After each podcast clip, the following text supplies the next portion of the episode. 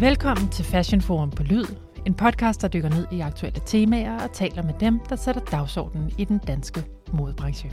Fashion Forum på Lyd er sponsoreret af Be Social, som hjælper modebrands med at forvandle sociale medier til direkte salgskanaler. Du kan læse mere om Be Social via linket i afsnitsbeskrivelsen eller på besocial.dk.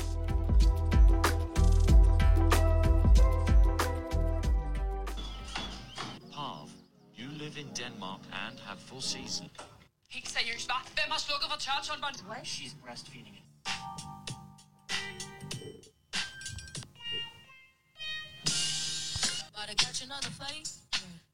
De fleste er nok bekendt med TikTok-lydsporet, der i sine små bidder kværner ud fra enten ungernes telefoner, eller når man selv sidder og scroller igennem. Og for rigtig mange, både virksomheder og enkeltpersoner, er mediet blevet en mega forretning. Men spørgsmålet er, om det skal til at være slut nu.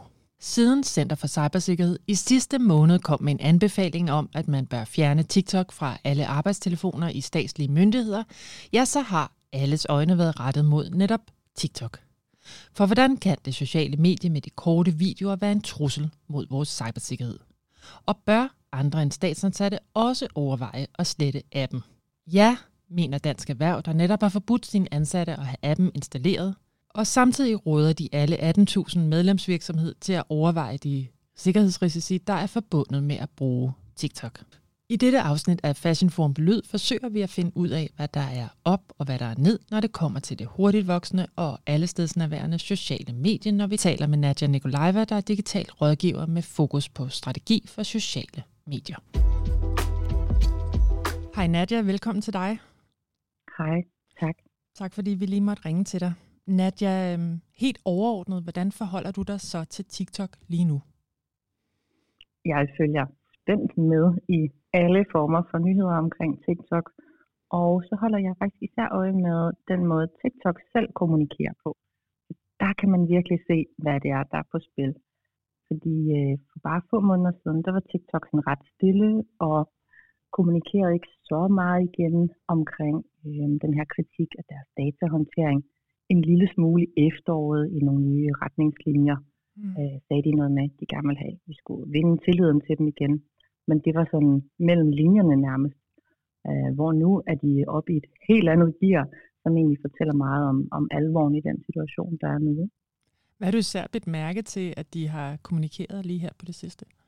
Jamen, det er spændende at se, hvordan deres, øh, deres øh, topleder, øh, han har jo været i øh, kongressen i USA, og inden da har han simpelthen øh, delt øh, nogle TikToks, hvor han øh, henvender sig direkte til brugerne på TikTok og kommer med en masse budskaber omkring, at øh, de har rådet 150 millioner brugere, og han vil så gerne sikre arbejdspladser for de her øh, 7 eller 8.000 amerikanere, mm. som arbejder hos TikTok, som begynder at kommunikere meget sådan anti-TikTok-lukning.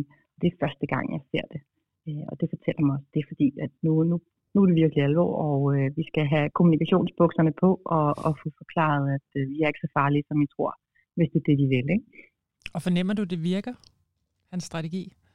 Åh oh, ja, det tror jeg til dels. Øh, altså, dels fordi det er første gang, vi ser TikTok være så direkte på banen øh, mm. i deres nyhedsbreve, i kommunikationen fra deres øh, topchef, øh, på deres øh, egen platform, men da så tager de den her svære snak. Øh, det, det er sådan øh, ret stærkt, og det er typisk, øh, eller det er tydeligvis koordineret og tjekket, og det bureau, der har været i gang, skal der bare have ros, fordi de har lavet en, en god, stærk plan. Mm. Jeg synes bare, det er lidt sent, de kommer i gang. Det er lige en postgang for sent måske, ja. Men Nadia, ja. jeg kunne godt tænke mig at spørge dig, hvad, hvad, hvad er det for nogle kvaliteter, som TikTok egentlig har, som gør det så super, super attraktivt, både for enkeltpersoner, men især også for virksomheder? Der er utallige kvaliteter ved TikTok. Grundlæggende så gør de op med mange dogmer på sociale medier, hvilket er ret forfriskende i vores branche. Øh, de kommer ind og siger, øh, hey, øhm, det der med, at vi ikke skal have lyd på vores videoer på sociale medier, det kan I godt glemme, fordi her er lyd afgørende. Mm. Så de ændrer øh, i forhold til vilkårene på, hvordan vi formidler budskaber. Det skal være med musik, det skal være direkte. Så kommer de også ind og tilbyder jo virksomheder og privatpersoner en rækkevidde, som ikke afhænger af, hvor mange der følger. Øh, så det er ikke længere følgertallet, der er afgørende på TikTok. Det kan være et par meter senere hen, Mm. men du kan gå viralt i dag, hvis du laver det underholdende indhold, der resonerer med nogle modtagere. Så det er altså også enormt tiltrækkende øh, altså især virksomheder, der er interesseret i markedsføring over for de målgrupper, der er aktive herinde. Ikke? Så det er i hvert fald to af de ben, jeg ser. Mm. Øhm, og så et tredje ben kunne være, at, at det er sådan trendy, det er cool, det er smart, og det har det i hvert fald været nogle år. Øhm, så er det blevet meget, meget mainstream nu. Nu kan det godt være, at det snart ikke længere er smart, men det er her trends er opstået, og det har været sådan lidt sejt at være på TikTok og forstå sproget inde på TikTok. Så der er også noget sådan coolness-faktor ved den her platform. Mm. Og en hel masse koder, hvis man ser på de unge i forhold til danse og alt muligt. Øhm, Sprog, øh, memes, altså det, det er. Du er fuldstændig ret i, det, det er altså koder og sprog, ikke? og hvis vi lige skal, altså i forhold til de kvaliteter, så øh, Øh, på Instagram, der skal du så som brand for eksempel opbygge en stor følgerskare, før det egentlig har effekt. Men her, der kan du bare, hvis du laver den rigtige video, ramme over hele verden. Lige præcis. Så der ligger en helt anden arbejdsindsats i, øh, i at, at have en Instagram-strategi. Og hvis man kigger, så har mange virksomheder faktisk to forskellige tilgange til, altså to forskellige stilarter på TikTok og Instagram, hvis de er på begge platforme. Herhjemme der er Matas et ret godt eksempel. Øh, på Instagram, der er de sådan pæne, polerede, viser produkter med sådan noget hyggelig baggrundsmusik. Mm. Øhm, og på TikTok, så er det bare memes og jokes og sort humor og diversitet og det her hold af Matas medarbejdere, der fortæller om menstruationstrusser, øh, så det er fyren, der står og fortæller om det. De nedbryder også nogle tabuer og gør det jo vildt godt på den her TikTok-agtige måde, ikke? som ikke vil gå på Instagram. Så der er sådan et helt andet spillerum her. Fuldstændig. Du kan vise en anden side af dit brand, som øh, er attraktivt for mange virksomheder. Det er jo ikke alle virksomheder, som har mega meget personlighed og mega meget spændende at fortælle om sig selv, men på TikTok, der kan du være dig selv, uanset hvem du er. Øh, også øh, selvom du er en stor virksomhed. Altså selv Mm. Mærsk er jo på TikTok øh, og, og lukker os ind i, i deres øh, ja. hus øh, og fortæller om, hvem er man, hvis man er medarbejder derinde, eller hvordan kommer man på arbejde. Altså igen, humor og indsigter i arbejdspladsen. Ja. Det er jo sådan set nogle ret gode kvaliteter, men nu er der jo så også kommet noget andet på spil i forhold til TikTok. Noget, som handler mere om etik og værdisæt. Hvad skal man som virksomhed overveje i forhold til de her signaler, man har, hvis man er på TikTok som virksomhed nu?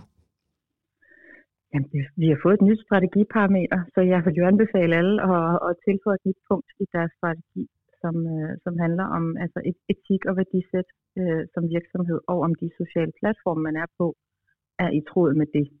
Mm. Øh, fordi der er enormt meget kritik af TikTok, datahåndtering. Vi ved ikke, om vores data ender i Kina, øh, uanset hvad der bliver sagt. Øh, det er jo ved at blive undersøgt lige nu af Irlands databeskyttelseskommission. Det kan jo være en dag, vi bliver klogere på, hvad der rent faktisk sker.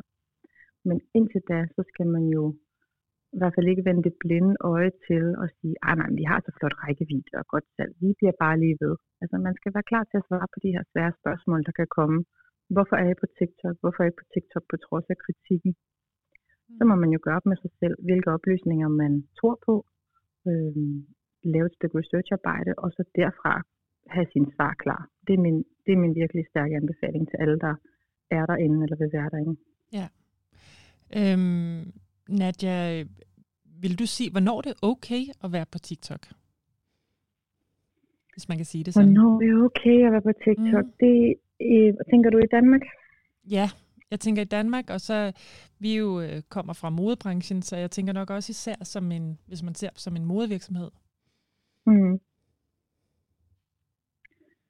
Jamen, det er okay at være på TikTok herhjemme i Danmark, hvis man har et eller andet særligt bånd til en ung målgruppe. I Danmark er TikTok jo stadig i en eller anden grad en app for unge og unge voksne. Mm. Øh, unge voksne mellem 19 og 34 fylder faktisk en del på TikTok i Danmark. Ja. Øh, Så det er ikke kun sådan en teenage-app. Ikke at der er noget galt med det. Men hvis man nu her får fat på nogen, som man virkelig ikke kan få fat på på andre måder, så vil jeg mene, at det kan retfærdiggøre i en eller anden grad, at man i hvert fald overvejer, om man skal være på TikTok.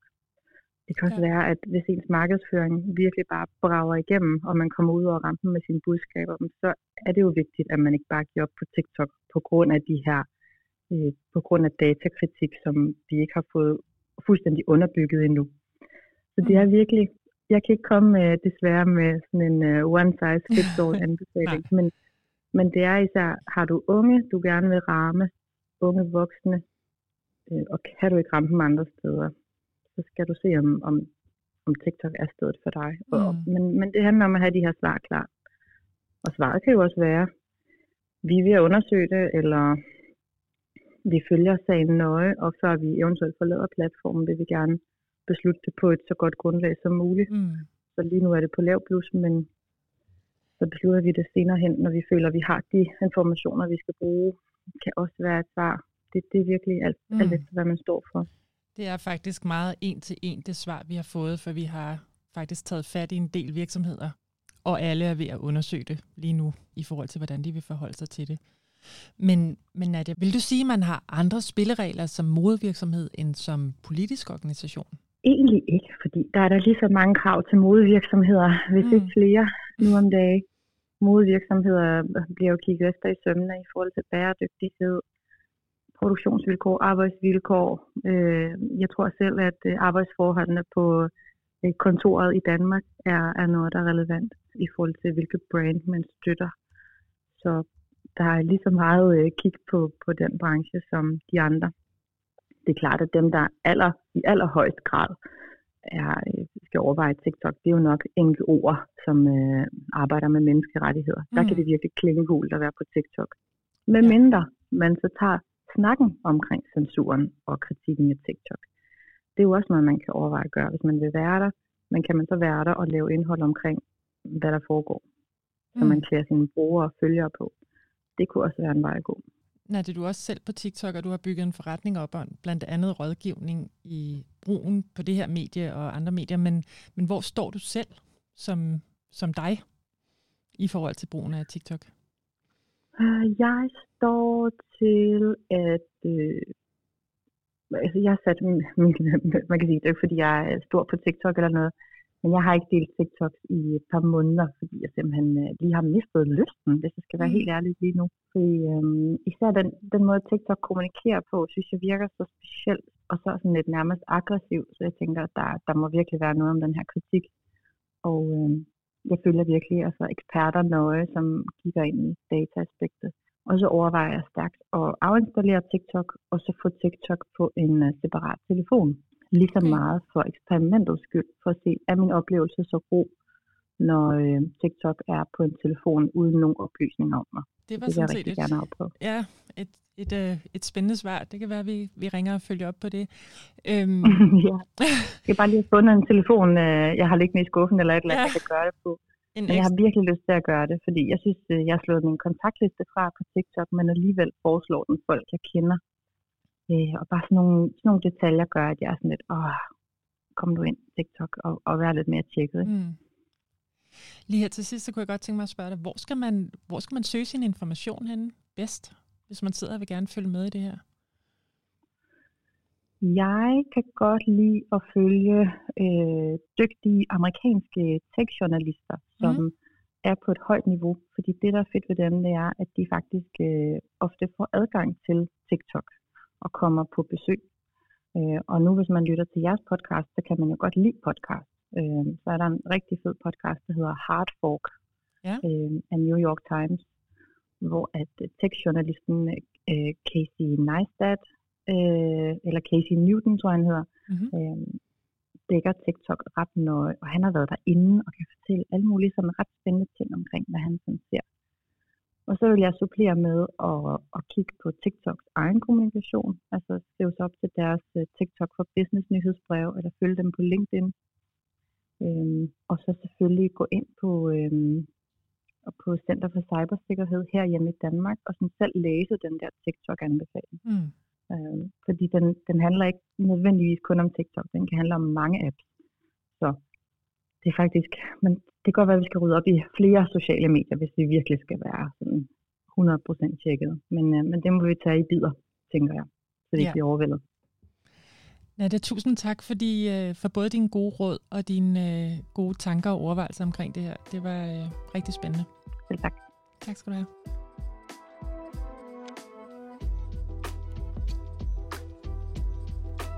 Det var dagens afsnit af Fashion Forum på Lyd. Vi håber, at du blev klogere på, hvordan du eller din virksomhed kan bruge TikTok.